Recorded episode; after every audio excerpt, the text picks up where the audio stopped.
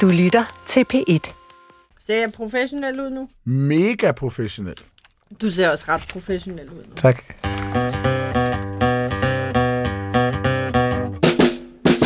Velkommen til Vildt Naturligt på B1. Din værter er Vicky Knudsen og mig, jeg hedder Johan. Og i dag skal vi besvare lytterspørgsmål. Foran mig ligger der en kæmpe bunke papir med alle mulige spørgsmål på. Så skal vi blandt andet se på, hvordan det er med krabber om vinteren. Vi skal også have en lille anekdote om hørelse. Ja, det skal vi også, og vi skal gudskelov også høre lidt om, hvad jeg laver henne på arbejde. Ja, det, og det glæder vi os allermest til.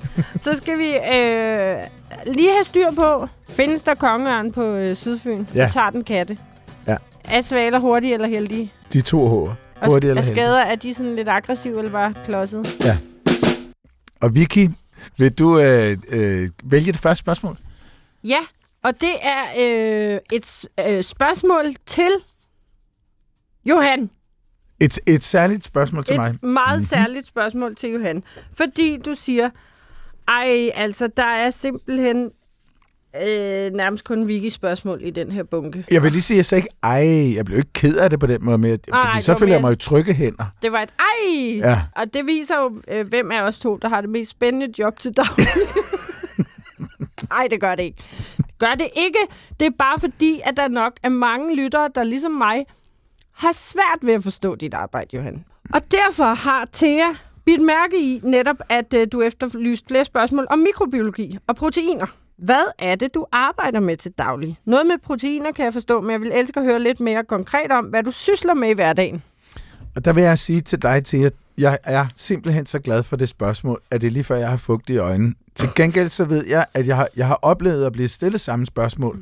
Og så, så har jeg oplevet, øhm, at jeg begynder at fortælle om det.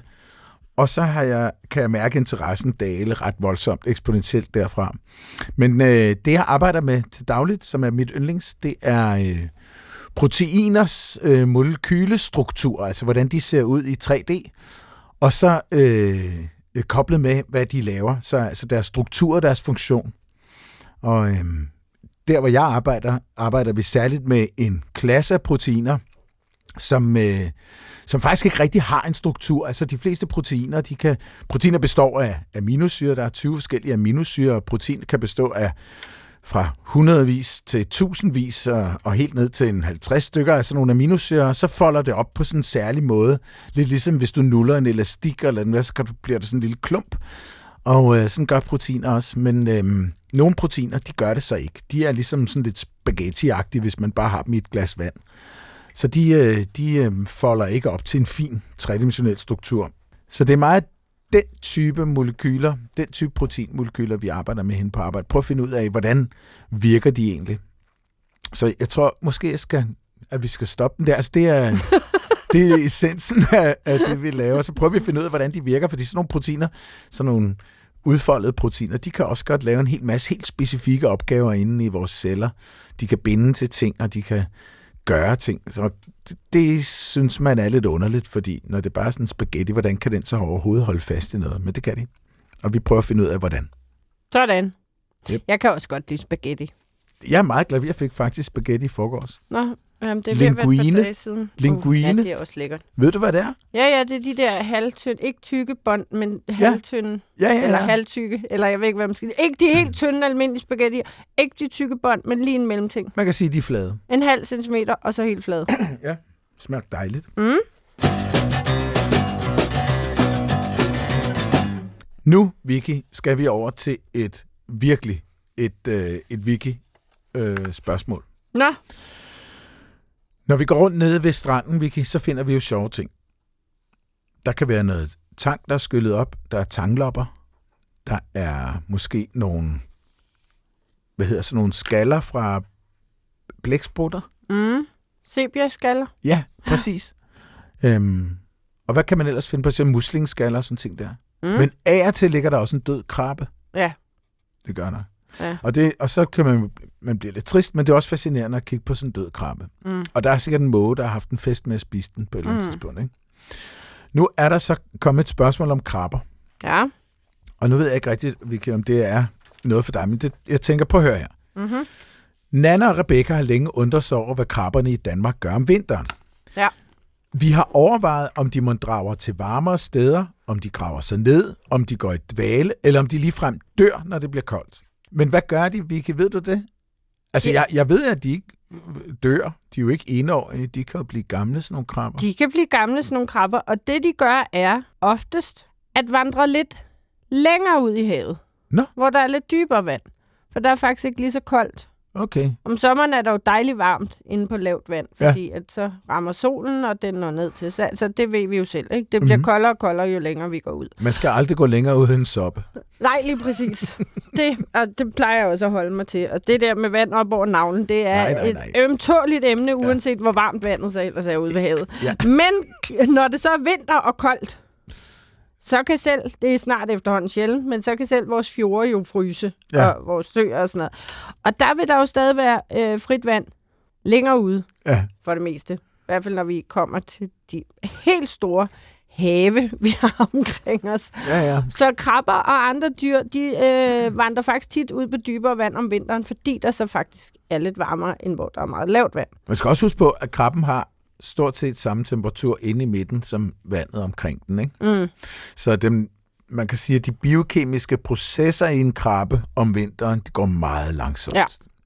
Så den har nok ikke brug for så meget at spise. Nej, den, går, den ligger så ikke helt i hi. Jeg skal da ikke kunne sige, om der er nogle andre, øh, enkelte krabbearter, der kan et eller andet fungi. Mm. Men altså, de fleste, og ikke kun krabber, også andre dyr, man ser på lavt vand, de tager ud på lidt dybere vand om vinteren, og så mødes de alle sammen der til et stort gilde, ikke? og så Ja. er der stadig noget at spise. Det er mest og... en sofa og noget Netflix. Ja, præcis. Man kan lige så godt tage det roligt, når det er lidt koldt. Ikke? Ja. Øh, og så kommer de så ind, når det begynder at blive lidt varmere. Og ofte er det faktisk også sådan, så de største individer, de, altså, de bor længere ude end de små individer. De er Nå. tit inde på lidt lavere vand. Nå. Det kan man også se med, det var en konk, for eksempel. Sådan, øh, de der virkelig flotte snore. Nå, sådan en konkylie ting. Ja. Ja. Så store skaller ser vi slet ikke ind. Altså På lavt vand. på lavt vand. Nej. Hvis jeg var en kæmpe konkylie, så ville jeg bare kravle ind på land, va- lavt vand og spise, fordi der var der ikke nogen måger, der kunne løfte mig op eller Mm. hakke mig i stykker. Det tror jeg ikke, du skal regne med. De der måger, de er snedige. Og de kan jo også finde ud af, ligesom kraver, at flyve ud og, og kaste skallerne ned på asfalten, så. Ja. de går i stykker. Så selv en stor rødkong skal ikke vide sig for sikker. Nej, nej, det skal Men når man går langs især vestkysten og finder øh, kongsskaller, Mm. så er de jo ikke så store. altså, de så er er vi ude sådan noget max 10 Ja, hvad er det? Max 10 cm. Ja, max, ikke? Jo. Ja, nok lidt mindre for det meste. Ja. Og så er der jo mange arter, ikke? Der er jo også dværgkong. Den bliver jo aldrig særlig stor. Og det Men sjove altså, ved de der konkyl, eller konkskaller, det er jo, at hvis man, øh, at lydene fra havet kommer ind i den der vindelgang, der er derinde, mm. mm, og så sætter den sig derinde, og så kommer den ganske langsomt ud, så hvis man tager dem op til ørerne, så kan man høre havet. Det var det mest fascinerende, da jeg var barn. Der havde vi sådan en stor konkylie. Mm.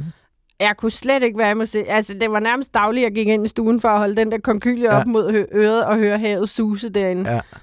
Og jeg forstod bare ikke, hvordan at havet kunne være inde i den der konkylie, for den lå på sofabordet. Hvad er det, altså, man hører? Det har du vel lige forklaret.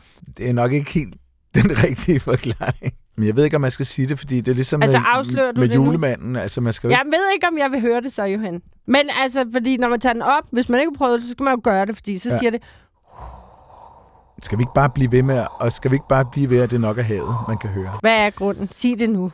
Jeg er 34 år. Jeg kan godt tåle at høre det. Ej, det er et akustisk fænomen, som opstår, når man holder den op til øret, så hører man øh, susen fra, Sit eget øre. ja, og fra de lyde, som kommer ind i konken, de kommer, bliver, der er sådan et ekofænomen. Okay, Nana har så et bonusspørgsmål, apropos musik, Vicky. Ja, og vent, vi mangler lige en ting til de der krabbeskeletter. Nå ja, ja. Man skal også øh, huske på, nu siger jeg krabbeskeletter, at nogle gange så finder man jo faktisk bare exoskelettet. Ja. Så krabben vokser sig jo større.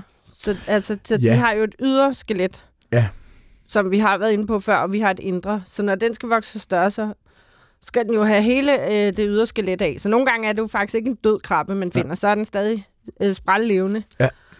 Jeg tror, vi har været inde på det med æderkopper også før. Ikke? Man siger, ej, der sidder en død æderkop i spindelvævet, så er det faktisk bare, fordi den har, har skiftet, Skiftet ham. skiftet hud, skiftet ham, Mm.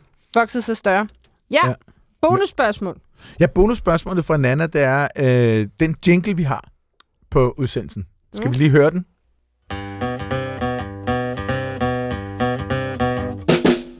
Så Nana spørger, hvad er, det, øh, hvad er det for en jingle? Er det en, der er blevet lavet specielt til jeres øh, program, eller kommer den fra en sang? Mm. I tilfælde af, det fra en sang, hvilken sang er det så fra, spørger Nana. Og øh, Nana, vi havde overvejet at lave en jingle selv, Vicky og jeg. Vi er stadig ikke færdige med, at vi skal lave en sang en dag, Johan. Det, det skal vi nok. Men Vicky, hun er i gang med at lære at spille øh, ukulele, og jeg er i gang med at lære at spille noget mundharp, og så laver vi en jingle sammen på et eller andet tidspunkt. I hvert fald en sang sammen. Men jeg kan fortælle, at det her kommer fra en sang. Det er en, en ældre sang, som hedder Blister in the Sun. En vabel i solen. Mm. Øhm, og den er skrevet af Violent Femmes, Mm. som er et amerikansk øh, sådan rock, folk, punk band. Ja, jeg kendte den ikke før, at jeg hørte den i forbindelse med, at vi skulle lave programmet. Og Nej. jeg sad og lyttede den igennem Ja. flere gange med min veninde Helle. Og Ja. vi var meget enige om, det var fandme lækkert. Ja, det er en dejlig sang. When I'm walking, I strut my stuff, and I'm so strung out.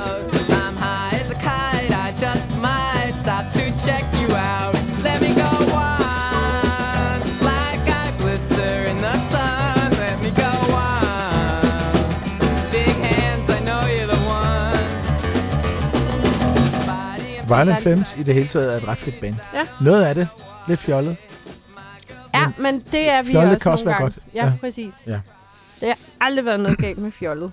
Nå, så er det vist også på tide, Johan, at jeg siger, du lytter til Vildt Naturligt på P1. Din værter er Vicky Knudsen. og Johan Oten. Og så er det også på tide derudover, jeg siger, for pokker, der er mange, der har sendt jokes. Ja. Jeg er tæskevild med det, og jeg har ikke læst dem endnu. Okay, den her, den er fra Alice Bal- Dalberg, og øh, hun har fået den fra sit barnebarn, mm. og han kom med den her. En bondemand havde 18 køer. Han fik endnu en hvid ko. Hvad hed den? Covid-19. Nej, det er sjovt. Den er da mega sød. Den er sjov. Og her kan vi faktisk måske lidt for en gang skyld sige, det var ikke en vittighed, der fandtes i 90'erne. Nej, eller i 2018. Nej. Eller 19. Nej. Nej. Ej, den var virkelig god. Ja, Okay, så er det min tur. Ja. Så vælger jeg en tilfældig. Hvad skal jeg fodre min læsehest med? Det ved jeg ikke. Prøv bogvede. Ah. så er der den her interskandinavisk biohumor. Det er Kurt Møller, der har sendt den her fra en svensk zoologisk have. Nå, Hvad hedder et dyr, der halter lidt? Det hedder en gorilla. Gorilla. Nå, Går- går, går ilde. Ja, ja, netop, ja. ja. Ah, Og hvad hedder- så er det sjovt. Og hvad hedder et dyr med et virkelig godt syn? Zebra. Nå, det er også sjovt. Ja. ja. Godt, du læser dem op, og det ikke er mit svenske, der skal læses op, så falder helt til jorden. En odder og en bæver snakker om livets gevordigheder, da odderen spørger bæveren. Når I sådan render rundt og fælder træer, er I så aldrig udsat for arbejdsulykker? Bæveren kigger træt på ham og svarer, Tror du, vi er født med de åndssvage flade haler? Nå, det er sødt. Det er sødt, det er Ja. ja. sjovt. Det var Birgitte Wulf Larsen, der har set den. Et par stykker fra den pensionerede biologilærer Martin Dein kommer her. Er du klar? Jeg synes altså virkelig, Martin han har fat i den lange ende her. Ja. Hvorfor kan man ikke købe zoologisk have? Nej, ja, den har jeg hørt før. Vent lige. Og den er sjov. Jeg kan huske, den er sjov. Den, øh, den er for dyr. Det er sjovt. Det er sjovt. Hvad er forskellen på elefant og en løve? Elefanten kan løve, løven kan ikke elefant. Jeg tror ikke, jeg har set en elefant løve nogensinde i øvrigt. Og det har jeg. Nå, det kan den godt. Jo, jo. Og så med halen lige været, og så er det jo sådan noget trav. Og så den sidste fra Martin Dein. Hvad er forskellen på en ren og en beskidt elefant? Det ved jeg ikke. Renen lever i det nordlige Skandinavien, og den beskidte elefant lever i Afrika eller i Sydøstasien. Okay, det er sjovt. Da min farfar han lå for døden, Nå, hold da op. Ja. Det var hurtigt Jamen, han blev en gammel, gammel mand, Nå, og så, okay. så lå han for døden, og da han havde været væk meget lang tid, så lå, sad min far ved siden af sengen og kiggede på ham, og han var helt gone. Altså, der var, det var et spørgsmål om dage. Så kommer der en sygeplejerske ind, og skal spørge om et eller andet, og sådan lige tjekke, at alt er i orden. Og så vågner min farfar, mens hun er der. Og så kigger han på hende, og så siger han, ved de hvorfor, han sagde de til folk, ved de hvorfor elgen aldrig går i bad? Og hun siger til ham, nej, herr Olsen, det ved jeg ikke. Så siger han, den vil så nødig være ren. Den er Det, altså, også kom, god. det var noget af det sidste, han sagde. Nå, det er Ja. også en god joke. Ja, ja, jo, det er en farfar-joke, ja. Ja, der, ja, Men farfar, onkel, morfar, ja, mormor, Ja. tante. ja, jokes. Min humor bliver tit kaldt for tantehumor. Er det Det rigtigt? fejler Nick? ikke en skid. Men når nu vi har været inde på elefanter, så kan jeg jo som biolog måske lige komme med et godt fif til lytterne. Øh, hvis man ser et dyr, nu der er det jo sjældent, man ser elefanter i Danmark, ude i det fri i hvert fald, men hvis man ser et dyr, der er større end en hund, og som, hvor det ser ud som om, den har en hale foran og bagved, hvor den, den bagved er meget mindre end den foran, så kan der være tale om en elefant. Det er bare sådan en lille fif til artsbestemmelse. mm. Ja, ja, det er jo ikke kun dig, der går rundt ude i naturen og nørder, vel? Hvis man ser, ser et, dyr, et dyr, der bevæger sig gennem skovbunden uden ben, så kan der være tale om en slange. Det kan også være en orm. En Stålorm. Jeg så en ret stor sno på møen her forleden dag. Nå, Mm. jeg kan godt lide sno. Men okay, er der nogle dyr, jeg ikke kan lide? Jeg tror det ikke. Torsten Kanstrup spørger, hvilket dyr har problemer med spil? Altså et ludomandyr. Mm. Det er en væder. Og det er så elegant, at der skal vi takke Torsten Kanstrup for en tvivlsom vittighed, men et fantastisk oplæg til, at vi jo i sidste lytterspørgsmål faktisk talte lidt om kraver, der ballerede ind i vinduer og sådan ting der. Så har Svære Langgaard, Ja, Svære Langgaard, gud, det er et lækkert navn. Men han har skrevet, øh, efter vi fortalte om kraver, der angriber deres spejlbilleder i vinduer, så han skrevet, at han kom til at tænke på samme oplevelse med en vædder. ja. Han skriver, i mine forældres udenlandske sommerhus kommer der ofte geder og får forbi. En enkelt gang var skydedørsvinduet smadret, da de ankom til sommerhuset, og så tænkte de selvfølgelig, at det var herværk. De fandt dog ud af, at det sandsynligvis var en vædder. Nå. Altså en dag, da de var i huset, stod der nemlig en stor vædder, og den startede tilløb mod vinduet. Nej, er det rigtigt? Det resulterede i endnu et smadret vindue. Og det har så efterfølgende fået sat skodder for. Det er jo ret grænseoverskridende at stå inde i sin stue, og så bare se en gigant vædder. Kudung, kudung, kudung, kudung. Ej, men det tror jeg helt klart. Altså, vi har tidligere talt om spejltesten, og der er meget få dyr, der kan genkende sig selv i et spejl. Ja. Og altså, mange fugle kan jo ikke huske, at den kan. Gunnar, på trods af, hvor kvik en hund han er, Ja. han ser lige lidt fjernsyn, når han ser sig selv i et spejl, ikke? fordi Ja. han synes det er en skideskøn hund, der er derinde i, fjernsynet. Men han kan ikke se det, han Ja, ser. og den kommer aldrig ud af lejr. Nej. Og øh, vedder er heller ikke øh, i stand til lige at genkende sig selv, så den har da også bare tænkt, hvad hævle laver ja. du på min sommerhusgrund? Hvis- Dit store, Ja. dumme dyr. Ja. Ja. Nu skal jeg den Nu under. Og så lejen. har den jo smadret den. Mm. Sønder sammen, så Ja. den har jo vundet den Ja, kamp. den der, vandt kampen Ja, ja. ret hurtigt. Ja, altså, det Altså, kan jeg-. Jeg har jo prøvet at gå ind i, øh, i sådan nogle skydedøre, og også sådan nogle øh, øh, åbne lukkedøre så, Ja. som af glas. Ja.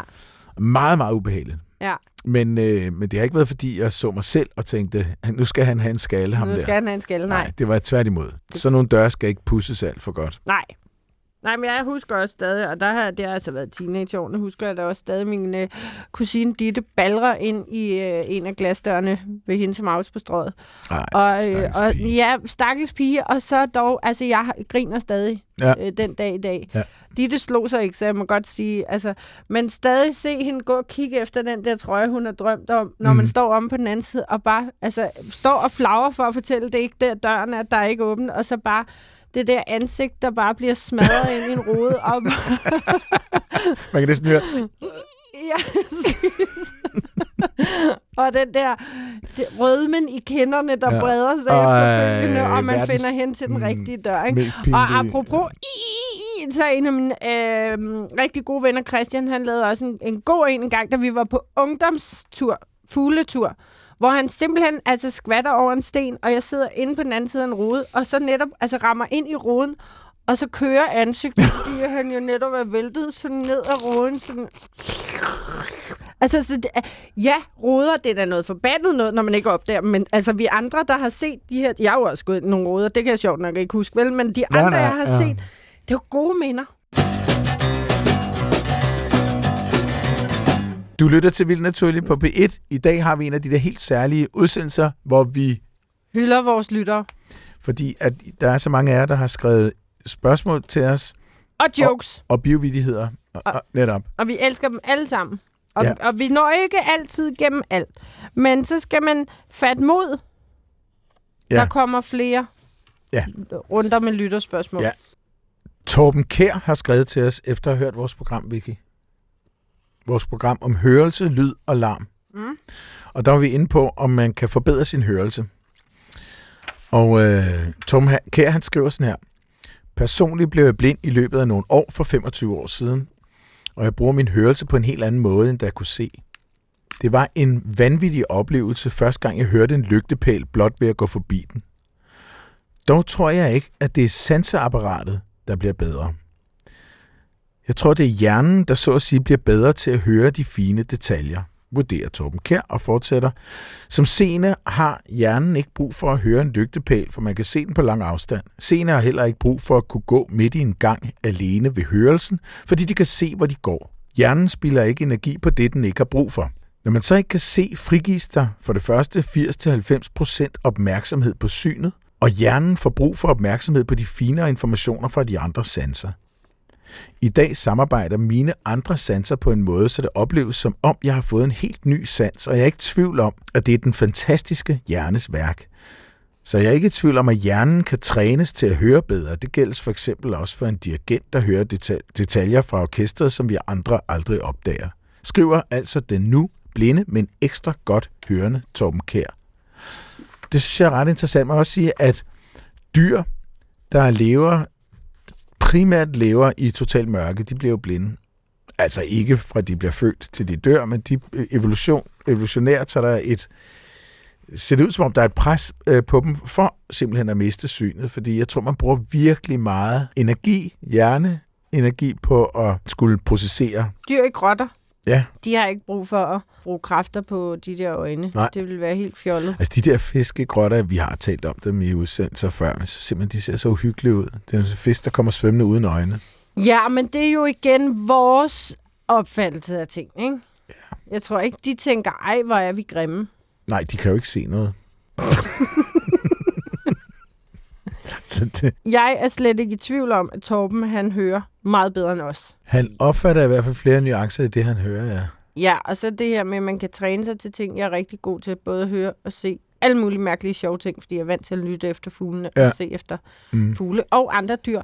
Og hvis vi to hører et stykke musik sammen, så kan du nok høre mange flere detaljer, end jeg kan, for eksempel. Ikke? Ja, jamen, jeg tror også, træning er desværre meget vigtigt. God ting.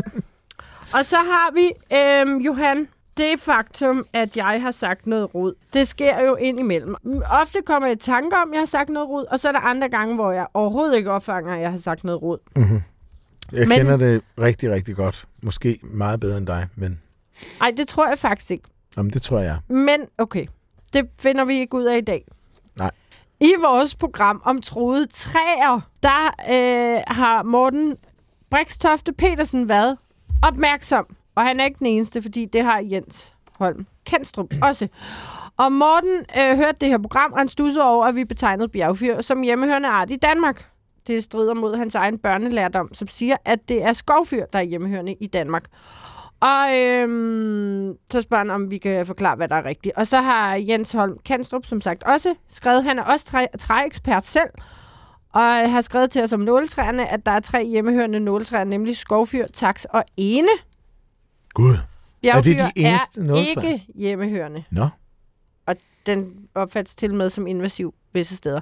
Og der må man bare sige, altså man skal jo slet ikke lægge sig ud med en uh, træekspert. Uh, ekspert. og Morten, du har også været fuldstændig vågen i det øjeblik. Jeg kommer ret tit til at kalde skovfyr for bjergfyr. Og Sikkert også omvendt. Jeg tror faktisk ikke, jeg ved, hvordan bjerg, jeg kender en bjergfyr. Skovfyr kender jeg Mm-hmm. fra Tisvilde og Bornholm og sådan noget. Ja. Det er mit yndlings, min yndlingsnål. Nå, jeg er meget glad for ene. Bortset fra, at man stikker sig helt vildt på men jeg elsker bærene. Men altså helt ligesom, der er også for eksempel to vandlevende insekter, der hedder, øh, der er faktisk flere arter, men busvømmer og rygsvømmer. Ja. Der har jeg også tidligere haft problemer i det her program, når jeg skulle fortælle, hvad der var i min havedam. Nå, Der ruder jeg også konsekvent rundt i dem. Men Okay. altså, jeg bør kunne huske det jo med skovfyr og bjergfyr, fordi det kan være, at jeg ruder rundt i det, fordi jeg kommer fra Bornholm, hvor der rent faktisk er lidt bjerg. altså bjerge på Bornholm, måske lige uh, stramme den lidt, Nu men jo, jeg jo, der er du lidt, skal være efter mig. der er lidt klippet. Jo, jeg nej, lægger mig fladt ned her. Ja. Men det er jo nemt at huske på. Har vi flest skove, eller har vi flest bjerge Ja. i Danmark? præcis. Godt så. Så kan vi huske det fremover. Skovfyr. I vores program om isbjørne talte vi om muligt fund af isbjørneknogler i Danmark, og der har vi fået hjælp fra Lene Lauritsen, fordi hun fortæller, at der på et tidspunkt blev fundet en isbjørneknogle ved Asdal Gård ved Hirtshals. Mm. Lene er selv født på Tornby Bjerg. Det er jo så ikke et bjerg, skal vi lige huske, fordi så kan det være, man tror, det er bjergfyr, der er den... Men, bjerg. Lene er selv født på Tornby Bjerg med mark ned til det vandløb, hvor kæbeknoglen fra den danske isbjørn blev fundet tilbage i 1920. Siger du Tornby? Tornby? Jeg sagde Tornby. Tornby ligger ude på Amager. Men det kan godt være, hvis man siger sådan lidt jysk, at det bliver til Tornby. Det gør det nok, ligesom Lord. ja, Lord. Lord Tornby. Tornby. Ja. Tornby. Hvad siger, hvad siger eksperten ude i? Nå, Tornby. Torn, Tornby. Tornby, Tornby Bjerg. som Men- ikke er et bjerg. Så Lena er selv født på Tornby Bjerg med mark ned til det vandløb, hvor kæbeknoglen fra den danske isbjørn blev fundet tilbage i 1920. Man fandt senere frem til, at, bjørnen må have været en del af en bestand i det sydlige Skandinavien for godt og vel 11.000 år siden. Og det synes jeg var larmende interessant. Larmende interessant, fordi altså vakselistiden, som vi har haft op at vende en del i vores udsendelser, Vicky, Mm. den sluttede jo her for et eller andet sted mellem 9.500 og 14.500 år siden. Mm-hmm. Så det var en gigantisk klimaforandring, men der lå jo is, altså der dækkede det, vi i dag kalder Danmark, altså. Ja, vi var helt væk i is. Det var helt sindssygt. Næsten. Og der har jo været isbjørne. Altså, der har været isbjørne, Vicky, der er gået rundt og, og gryntet og spist sæler og hvad de ellers gør. Ja. Og det er jo, det, det har jeg bare aldrig nogensinde tænkt over. Nej, men det er en dejlig tanke. Det ville sgu gerne have set sådan en isbjørn Ja. vandre rundt over Jeg gad godt ikke? bare finde en, en kæbeknogle fra en isbjørn. Ja, det, det vil jeg også gerne. Men det var isbjørn i Danmark. Vi har lige en sidste opfølgning. Ja. Fordi vi har sagt, at storken klapper med næbet. Hvilket mm-hmm. jeg jo altså stadig vil mene ikke er forkert. Men Allan Nørgaard og Lilian Bondo, de, har, øh, de går lidt i rette med os. Fordi vi netop har sagt klapper med næbet. Men det hedder jo faktisk knæbre med næbet. Knibre. Storken er en dejlig flyver og knæbre med næbet. Okay. Ordbøger forklarer, at øh, knæbre det dækker over, at fugle, især storken, frembringer en skraldende lyd ved at klapre med næbet. Så på den måde er klapre jo ikke helt forkert. Okay, så den klapper, og, og i og med, den klaprer, kniprer den. Ja. Jeg, jeg synes, at det kan forsvares, at du sagde klapper. Vicky. Ja, det synes jeg også. Tusind tak, fordi jeg elsker sådan nogle, når jeg hører om nogle af de der sådan nicheord, der egentlig kun bliver brugt til en bestemt ting, eller ganske Mm. få bestemt. Ja. Det synes jeg er sjovt. Ja. Vi har fået et brev, Johan. Ja, må jeg ikke komme over til dig så? Jo, Der er jo flotte øh, frimærker på. jamen det er med dronning Margrethe. Nå, ja, hende der, ja. Det kan man få dem nu. Jeg tror, det er nogle meget gamle frimærker. Ja. Ej, er det fornemt. Ja, og især det der er flot. 1 kroner og 60 øre. Sydsjællands Post. Nå, nu skal vi se, hvad vi har fået. Nej, der er det også et brev. Hej Vicky og Johan. Kan I sige noget om denne hårbolle eller gylp? Specielt farve, synes jeg, så undrer mig over, hvad det er. Venlig hilsen. Eva Emilia Kvan fra Hobro. Og nu kigger vi flux på gylpen. Okay, det ser fandme mærkeligt ud. Undskyld, jeg banner. Det ligger i en plastikpose, og det er primært hår. Det er, Men der er noget der, der ikke er hår. Det er noget pattedyrshår, og der er meget af det. Jeg tror simpelthen, altså der er, enten ligger der en halv hest, eller en halv... Jeg tror, der ligger en halv hest i den her gylp. Altså, Hobro, det kunne jo være sejt, hvis der var noget ulve lort. Altså, spørgsmålet er, kan det være dyr, der har ligget og rådnet op, Ja, og det, det så det- bare er ja. noget pels? Prøv at se, det der, det ligner hud. Jeg tror simpelthen, det er Det tror jeg faktisk, det er. Et stykke dødt dyr. Et stykke læder med, med hår på. Ja, det er jo et rødbrunt dyr. Men det kan være, at vi skal have altså, tilkalde assistance og prøve at høre sådan en som Bjørli Lermand. Hvad er det her? Gud, spændende. Ja. Ej, tusind tak. Ja, tak for den, Eva Emilia. Vi prøver at løse mysteriet. Ej, Så det må her, vi jo have den til DNA-undersøgelse. det er meget, meget spændende. Min bror kan identificere dyrehår under en... Øh, han har sådan en særlig lup til det. Ja. Min mor, hun kom hjem med noget hår, hun havde fået i naturen over i Jylland, så, så, så tænkte hun, det nok var en ulv. Ja. Og der kunne han så se, at øh, strukturen af håret vidnede om, at det enten var en hest eller en hjort. Ja, Og det sted, de så havde været, måtte det være en hjort. ja det kunne man ikke ride. Ja. Og det her er jo et meget rødbrunt dyr. Altså, jeg synes, det ser mest hestet ud. Det, ja. Hvad med en det ville hund? være lidt mærkeligt at lå en død hest. Ja, man kunne være en hund også, måske. Ja, måske en hund. Vi spørger Bjørli. Ja. Spørg lige Bjørli. Spørg lige Bjørli.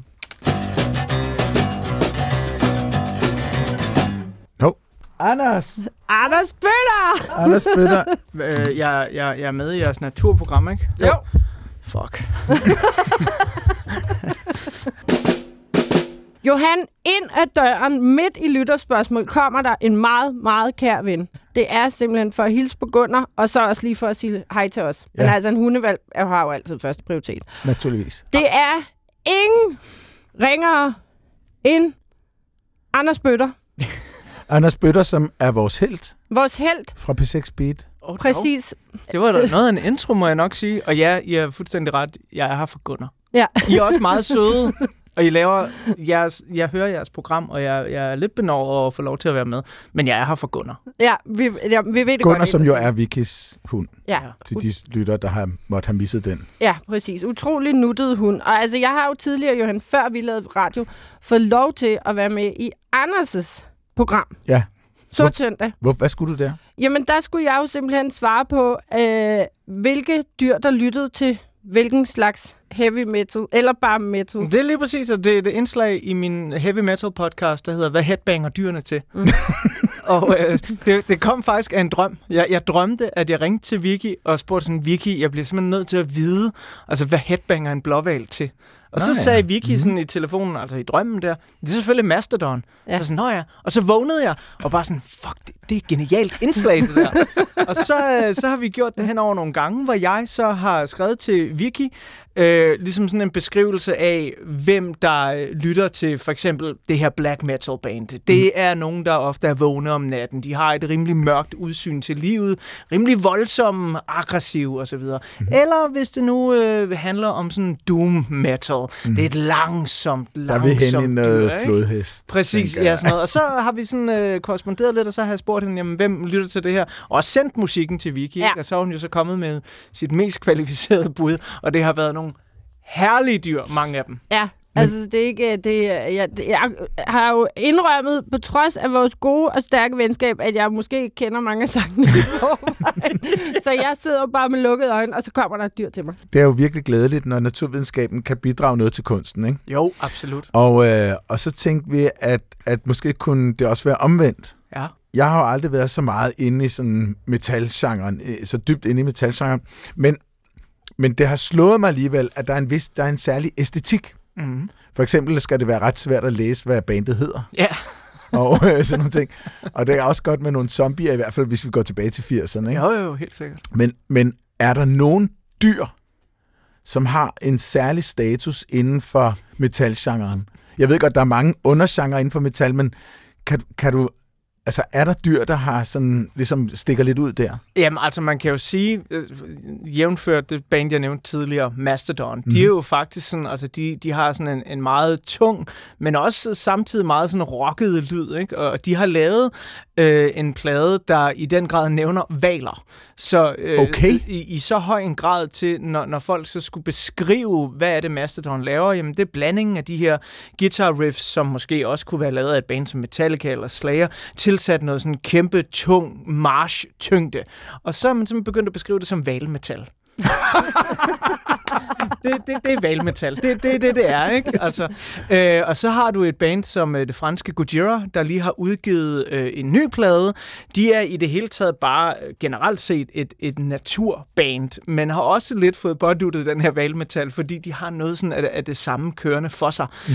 Øh, og de er et band, der for eksempel advokerer meget hårdt for en øh, NGO som øh, Sea Shepherd, øh, og går meget op i øh, for eksempel at stoppe fældning af Amazonas-regnskoven. Det mm. er det seneste, de har lavet på deres seneste plade, har de lavet sådan en stor auktion øh, ud over hele Amerika, hvor man så kunne øh, donere forskellige ting, ting til, hvis man nu var musiker. Så for Mhm. eksempel Slash fra Guns N' Roses har doneret en hat, hans øh, klassiske Ja. ja. høje hat. hvor Yes. fint. Og øh, så har man så kunne købe den, og øh, så er pengene så gået til øh, stopfældning af Amazonas med forskellige NGO'er i Brasilien. Ikke? Så det er også en band, der går meget op i, i det her. Ikke? Og i det hele taget har naturen et meget stort tilhørsforhold til mange bands. Altså, der er jo også mangt et black metal band, der simpelthen er blevet væk i de finske skove.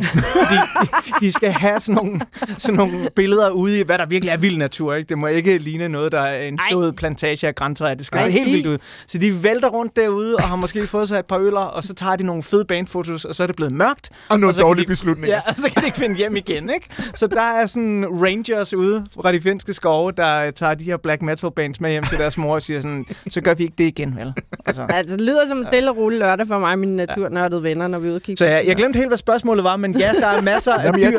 Der er øh, også, jeg tænker, og jeg har også set covers, hvor, hvor, hvor I indgår ulve og, og flagermus, for eksempel. Og øh, æderkopper. Og ja, æderkopper og, har vi og også. hvad er Warpigs? Ja, jamen, det, altså, jeg tror også, sangen den blev skrevet som en antikristsang, men, Mm. men, men altså, øh, jeg tror, man skal se pig som et decideret svin. Ja, Altså, okay. Du er et, et dumt svin. Ja. Ja. Du er Okay. et warpig. Du er, du er en, vi ikke kan lide. Mm. Mm. Og ulven er jo i, i den grad brugt gennem meget heavy metal, ikke? som et, et mytologisk dyr også, der hyler mod månen, eller kan forvandle sig til en varulv. Mm. Det danske band Berserk Ja. lavede jo deres første plade i det år, ulven kom tilbage i Danmark.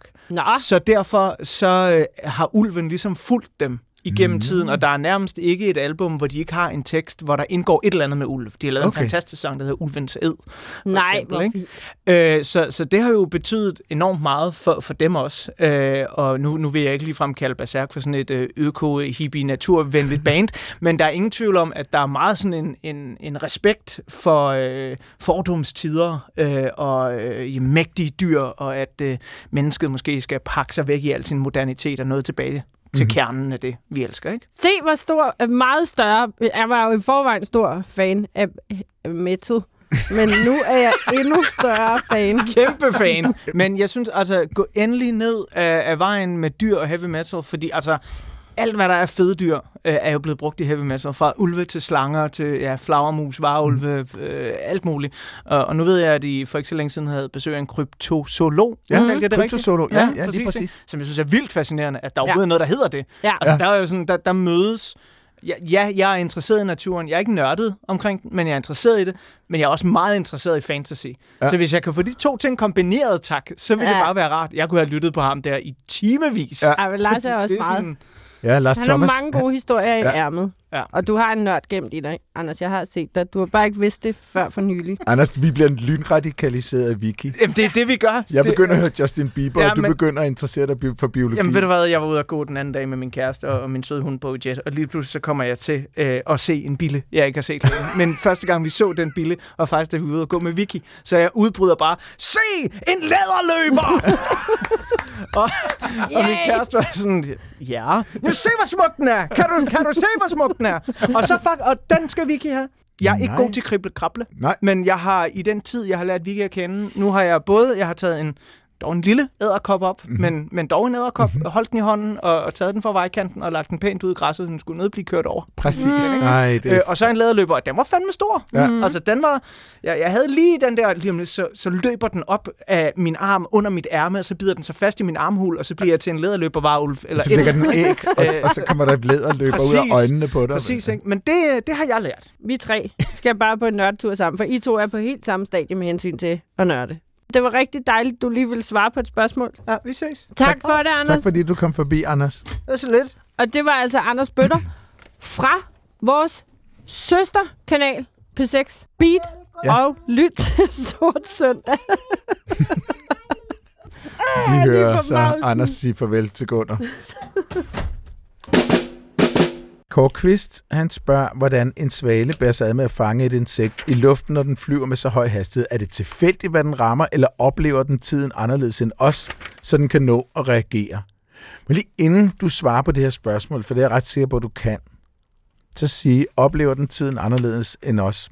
Så er, det, så er det jo filosofisk set et virkelig interessant spørgsmål, fordi jeg sige, en af de ting, vi næppe nogensinde kan få at vide, er, hvad der er på den anden side af universet, hvis man kan, overhovedet kan sige det. Mm. Um, og en anden ting, vi næppe nogensinde kan få at vide, er, hvordan en svale opfatter tiden. Mm. Præcis. Nå, men er det, er det rent held, at den flyver ind i et insekt, Vicky? Nej. Svaler har jo en anden form for reaktion. Men altså en stæreflok, der kan de jo også reagere på hinandens bevægelser Ja. ved hjælp af synet. Ja. Så når en stær drejer, så er der ligesom nogle meget lynhurtige receptorer Ja. ja. til at opfange det her, så drejer de med, så hele flokken faktisk drejer samtidig. Ja. Ikke? Det er jo helt sindssygt. Og det må jo være det samme med en svale. Altså, ja. de har jo et syn, der simpelthen er tilpasset at fange flyvende insekter. Ja. Jeg, Så- jeg har altså været så heldig at se en optagelse af en svale, der flyver rundt efter insekter øh, i slow motion. Ja. Og det står fuldstændig klart, at det bestemt ikke er tilfældigt. Og så gør svaler jo noget sjovt. Især har jeg set det med landsvaler. Mm-hmm. De øh, tager nogle gange fjer og slipper den i luften og flyver efter den og fanger den. Og jeg ved Hvad simpelthen ikke, om det er sådan noget læring til, øh, til de unge svaler, at de skal lære at fange Nej. ting i luften. Jo, rigtigt. Men jeg synes, det er mest voksne svaler, jeg ser gøre det. Okay. Men der, må, der er jo en eller anden forklaring på det. Det vil jo give god mening, sådan lidt træning, ikke? Men øh, så tager de sådan, så kan man se sådan, så har de fundet sådan en hvid fjer. Så slipper de den sådan lidt mindre fjer, og så flyver de rundt efter den og griber den i luften. Som om de lige øver sig. Gud, det vil jeg gerne se. Nå, det Ja. har jeg aldrig oplevet. Og jeg har set flere gange. Det er virkelig øh, skønt syn. Mm. Vi har et spørgsmål til om fugle. Er du frisk på et til? Ja. Det er om rovfugle. Signe Christiansen, hun har undret sig over, om vores store rovfugle spiser katte. Altså hapser de sig lige en lille kattemis med kløerne og flyver afsted med den og fodrer deres unger med det pelsede kæledyr, spørger Signe. Hun tilfører, at hun selv har mistet katte gennem tiden, både i et område på Sydfyn, hvor der er mange kongeørne, og også i et sommerhus på Møn, hvor der er mange havørne og vandrefalk. Så er det muligt, eller er det meget sjældent, at katte er mad for rovfugle? Altså, øh, for det første vil jeg sige, at det kommer an på, hvad katten vejer. For Ja. vi har ikke nogen rovfugle, der kan til synderligt tungt bytte. Nej. Altså, hvis en, en, en havørn, som er vores største rovfugl, tager en grågås, så kan den ikke flyve med den. Nej. Altså, så jeg kan ikke... Altså, en rovfugl, der er mad jo mad. Men altså, jeg vil gætte på, at det meget sjældent sker. Og rigtig mange rovfugle har jo ikke lyst til at... Altså, du ser hverken en havørn, en vandrefalk eller en kongeørn lande i en have og tænke, nej, Nej. der var kattemis. Så det er nok nærmere de her lidt mere forvildede katte, der er- eller langt ude på landet katte, der måske kunne ryge svinget. Vores mest almindelige rovfugl, musvågen, den tror jeg simpelthen ikke på at gøre det. Det er simpelthen Nej. for stort et bytte. Men tror du ikke også, en, en, hav- hvis en havørn, tror du så ikke, altså det er mere måske en lille killing? For det første tror jeg, at havørn primært holder sig til andre dyr. Ja. Jeg har godt set det med har og sådan noget, så, men altså... Musvåge kan nok udelukkes på kattestørrelser. Tårnfalk, de spiser slet ikke. De går altså primært efter mus. Øh, spurhø, katte er alt for store. Duehø, så skal det være en ret lille kat. Kongeørn, ja måske, men øh, der må jeg altså lige sige til sine, at der ikke er kongeørn på Sydfyn. Det er simpelthen nogle andre fugle, du tænker på. Vi har meget få øh, kongeørn i Danmark. Ej, jeg kan ikke huske, om det er to eller tre eller fire par, men det er stadig meget få par. Og der skal vi altså til Jylland. Så øh, der kan selvfølgelig godt komme en kongeørn forbi Sydfyn, men der tør jeg altså nærmest med garanti udelukke, at det er den, der har taget kattene. Og vandrefalk, den går jo efter at jage sit bytte i luften, så den tager heller ikke katte. Så har vi Med mindre havørnen det er flyvende katte, eller hvis man har smidt en kat op i luften. ud af vinduet fra ja. en høj bygning. Det og skal det man ikke har gøre. man forhåbentlig ikke Nej, gjort. det skal man ikke gøre. Så altså alt i alt vil jeg sige, for fugle handler det jo også om at få mad. Så ser man en kat, og det er ikke en så stor kat, og man er en, der kan jagte små pattedyr, så vil det nok ikke kunne udelukkes. Men chancen for, at særlig mange katte, der forsvinder, ryger op i rovfugleredder, er i Danmark meget lille. Altså, jeg har set det fra udlandet. Nå. Med altså, øh, øh, sådan nogle webcams på redder af en hvidhovedet havørn, hvor den så lige har taget en kat med hjem til What? middag. Seriøst? Ja. Og en Jeg mener, hvidhoved... det var en hvidhovedet havørn. Er det Så- det, der hedder en bald eagle på? Ja, De er Så- sådan nogle ordentlige børger. så det kommer lige an på, altså... Ja. Og så igen tilgængeligheden af kat, ikke? Altså, jeg tror, mm. at der er, ikke, øh, der er ikke den store chance for, at der er en eller anden rovfugl, der dukker ned i ens have, og så er ens kat. Og mange videoer, man ser, sådan nogle helt vilde videoer, hvor en kongeørn øh, tager en rev, eller så er det sådan nogle trænede, i Mongoliet har de jo øh, mange, gennem mange år haft, hvor at de træner kongeørn til at jage for dem. Så tit nogle af de her trænede kongeørn, der gør det. Okay. Kongeørnen er nok potentielt den, der vil være bedst til det i Danmark. Ja, hvis det nu skulle være. Men, Men Men- det er ikke der, kattene bliver af. Det er som regel motorvejen, tænker jeg. Ja, det tænker jeg også. Vi har også fået et brev fra Marete Munk. Ja, Og det er jo lidt, nu vi taler fugle, er det jo lidt sjovt, fordi Munk er jo faktisk en fugl. Ja. Marete Munk, du har selv været udsat for angreb fra oven, og du skriver, kan man spørge jer, om det er vildt naturligt, at man som fodgænger på en villavej angribes af en skade? Den fløj ned og mavelandede på mit hoved tre gange. Fire gange havde jeg taget min jakke over hovedet. Da jeg løb til højre af en tilstødende gade, blev den siddende i et træ. Jeg er 70 år og ganske fredelig, forsikrer, forsikrer Merete. ja. Okay, Vicky, den går over til dig. Jeg har aldrig nogensinde oplevet en skade på nogen måde være nærgående. Nej, det har jeg heller ikke. Jo, jeg har faktisk, der er faktisk en, der engang har skrevet til mig om en, der var... Øh, men den gik dog ikke sådan direkte til angreb. Men det, der sker, er, at det jo formodentlig har været en skade, der havde unger i nærheden. Ja. Men hvert år er der jo også eksempler på musvåger, der går til angreb. Jeg er personligt blevet angrebet af en gråkrav, Jamen dog. altså lige nede på Gamle Kongevej. Og det var simpelthen fordi, at dens unge, den ynglede hen ved Palas. Så de ynglede hen ved Palas. Og den ene gråkravunge, som ikke var flyvefærdig, havde bevæget sig ud i krydset. Nej. Og der var i hvert fald fire biler, der kørte over den, og mens jeg stod og kiggede på det. Den dukkede så hver gang og overlevede det, men vi var sådan lidt, stod sammen med nogle veninder og tænkte, det ender jo ikke godt, det der. Nej. Så da der blev rødt, der offrede jeg jo stort set mit liv og løb ud for at få kravungen ind på fortorvet. Ja. Hvilket resulterede i, at de her forældrefugle ikke har opfattet bilerne som farlige, men de ved godt, at mennesker ikke vil dem noget godt, hvis de først går til angreb. Så da jeg havde fået kravungen i sikkerhed, så blev jeg ellers jagtet ned ad Gammel Kongevej, og tre gange havde jeg en gråkrav ned i håret. Nej. Og jeg måtte simpelthen flygte ind i 7-Eleven. Øhm, og, Hold min, øh, og mine veninder, der var med, de blev ikke angrebet. De vidste, det var lige præcis mig. Altså, de vidste, det var lige præcis mig, der havde altså, ja, været efter deres unge. De kunne åbenbart ikke regne ud. Jeg Men kan det være faktisk- farligt hakket, det der i hovedet? Nej, jeg kunne ikke mærke noget. Jeg, jeg kunne godt mærke en klo, men altså, der skete ikke noget. Der er jo nogle gange, at de der musvåger, så har der jo været altså et lille... Øh, så kan folk godt bløde, ikke? Fordi de har jo skarpe klør, ikke? Ja. Men ofte med musvåg, så er det ude sådan i skovstykker, og så er det tit og ofte cyklister eller løbere, som har reflekstøj på og bevæger sig meget hurtigt. Ja. Og der ved jeg ikke, om Merete har bevæget sig særlig hurtigt igennem det her vilde kvarter. Det tvivler jeg på.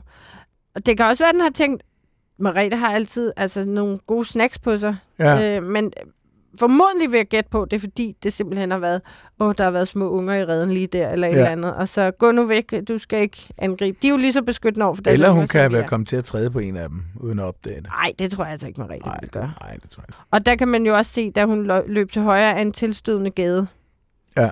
så blev den siddende i et træ. Så ja. der har været lige et ømt punkt der for den skade der, ikke? Ja. Jeg er blevet angrebet af, hvad hedder de, terner i Om- Norge, når vi, hvis man kom for tæt på sådan noget, det vi kaldte en terneø. Så var der, det kunne være sådan et lille bitte skær, hvor der ikke var noget beplantning på, eller så der bare ligger separat øh, ude mellem de andre øer. Det kunne de godt lide at være sådan et sted. Så har de en hel flok, hvor der så sidder de der 50-100 individer på, der hver Mhm. har deres lille rede, er det vel ikke. Det er et sted, hvor de har et æg. Og så hvis man kommer for tæt på sådan en koloni, så letter de i små flokke, så kommer der måske en 5-10 stykker, der bare dykker ned over, altså meget, meget tæt på. Det gælder bare om at komme væk. Mm. Jeg kan huske, at i min barndom gik rygtet om en stiv nordmand, der var sejlet ind i sådan en ø der, og simpelthen var død af hak i hovedet. Sådan Nå. nogle historier skal man nok tage med græsalt. Mm. Men øhm, de var, det var stærkt ubehageligt, kan jeg huske. Men der er jo også eksempler på uler, der har slået det arbejdende folk i skoven ihjel. Slagugler. De findes ikke i Danmark. Men det er faktisk ikke ulen, der har slået dem ihjel, men det er fordi, de er oppe og klatre i træer for at fælde dem og sådan noget. Og så er det tæt på ungerne, og så er de der, ah. så er de Ah. faldet ned fra træet, ikke? Så menneskene er faldet ned fra træerne, fordi de blev bange eller chikaneret af ulen. Så, men vi skal huske på, at det sker meget sjældent, og øh, når det sker, så er det jo kun fordi, de beskytter deres afkom. Helt ligesom vi selv ville ofre livet for at beskytte vores afkom. Ja. Ikke? Jo. Nej, kun personligt Gunnar, Ja. og ikke noget genetisk afkom. Men jeg vil gøre meget bare for at beskytte Gunnar. Apropos fugle, Mm. så, så har vi fået et ret underligt spørgsmål, som jeg i hvert fald ikke kan svare på, men det kan jo være, at du kan. Mm. Øh, det er Claus Karbæk, der skriver, at han har, øh, han har rejst med den transsibiriske jernbane øh, fra Vladivostok til St. Petersborg. Og øh, det var vinter, får man indtryk af. Rusland tager sig bedst ud i vinterdragt, siger han. Og det var meget, meget smukt. Han tog sig en masse ophold undervejs, og det var meget spændende og smukt. Første etape til Baikalsøen, så øh, det tager- tog et halvt døgn, og han brugte rigtig meget tid med at stå og glo ud af vinduet og se de endeløse vider panorere forbi. Han har sikkert stået og hørt Tchaikovsky på sit, øh, i ørerne, mens, øh, mens toget rejste ind i vinteren. Men, skriver han så, og nu går der versaler i Claus Karbæk her. Mm. Men jeg så ikke en eneste fugl hele vejen til Baikal. Og det havde han faktisk forventet, for der er ikke mange mennesker på de kanter. Og lige netop i Tigerområdets landskab med masser af vand og småvækster, burde der, der være massevis af liv og fugleviki. Han skriver, at jeg havde forestillet mig et paradis for små gnaver, og derfor ventede jeg at se små rovfugle i stort antal, men jeg så ikke en fugl, før vi kom til Baikal, og de første større beboelser i Sibirien. Og de fugle, jeg så, var kraver, skader og duer, men ingen tegn på vilde dyr. Og det får mig til at spørge, om taigaen er en slags ørken, skriver Claus. Der er jo mange fugle, der hedder noget med taiga, så det burde altså være fugle, der Okay. Men det kan jo godt være, at man ligesom skal ind i de lidt mere frodige områder, at det er sådan nogle hønsefugle og sådan noget, der mere er derude i de åbne områder, som du alligevel ikke... Altså fugle, der holder sig lidt til jorden, Ja. og ikke rovfugle. Fordi når du kører et tog, så er der altså også grænser for, hvilke fugle du kan nå at se. Mm-hmm. Så hvis du har nogle små sangfugle, så ser du dem jo ikke, når du kører forbi et tog. Hvis du har en stor rovfugl, der står og, og muser, så vil du kunne se det. Jeg vil tro, der er også er rovfugle derude. Jeg tror, vi er ude i en kombination af, hvilke arter der er, kontra fart på et tog. Og Claus har været uheldig. Ja.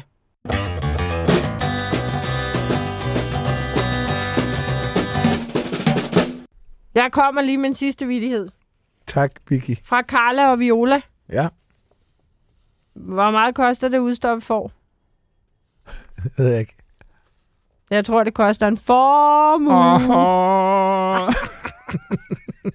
Det var god.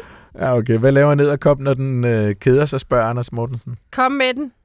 Den går på nettet. Den var god. Og Ja. Niels Lyberg Troldborg har skrevet, hvad kalder man en and på 1000 kilo? Det skal jeg ikke kunne sige dig, Vicky. Anton. Åh, den er sød. Ja. Hvor fint. I stedet for, at man driller den med fedeanden eller sådan noget. Den, så, den hedder bare Anton. Men man kan i hvert fald skrive til os, hvis man har spørgsmål til vildt naturligt ros Eller eller, eller vi- biovidigheder. Så er man mere end velkommen til at skrive. Hvis man sidder og tænker, at en vidighed, man kender en biovidighed, man kender, hvor man tænker, ah, den kan vist ikke helt leve op til standarden. Så send den bare Jeg har sendt den. Ja. Der skal meget lidt til at imponere mig. om mig. um, og det kan man gøre, hvis man skriver til os. Jeg har den. Okay. Vildt naturligt snabelag dr.dk. Okay. Og hvis man vil lytte til den her udsendelse, Det vil man gerne. eller Genlytte. så kan man Gå ind, der, hvor man... finder sin podcast. Man kan faktisk bare google vildt naturligt. De to ord. Ja. Ja. Tusind tak for i dag. Vi vinker lige til lytterne. Hej hej. When I'm out walking, I strut my stuff, and I'm so strung out.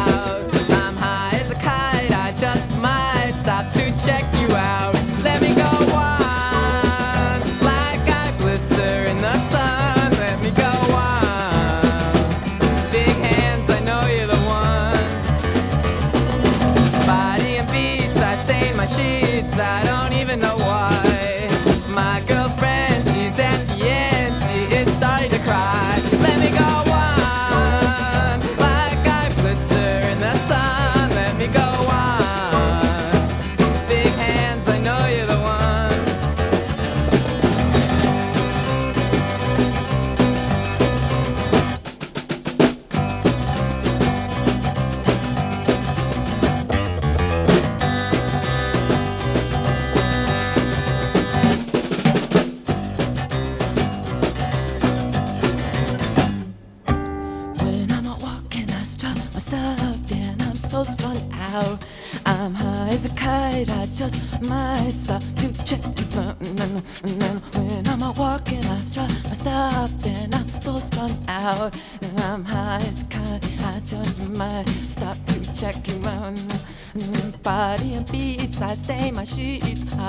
even know why. My girlfriend, she's at the end. She is starting to cry when I'm walking. Stop, stop, and I'm so strung out. I'm high as a kite. I just stop to check you out. Let me go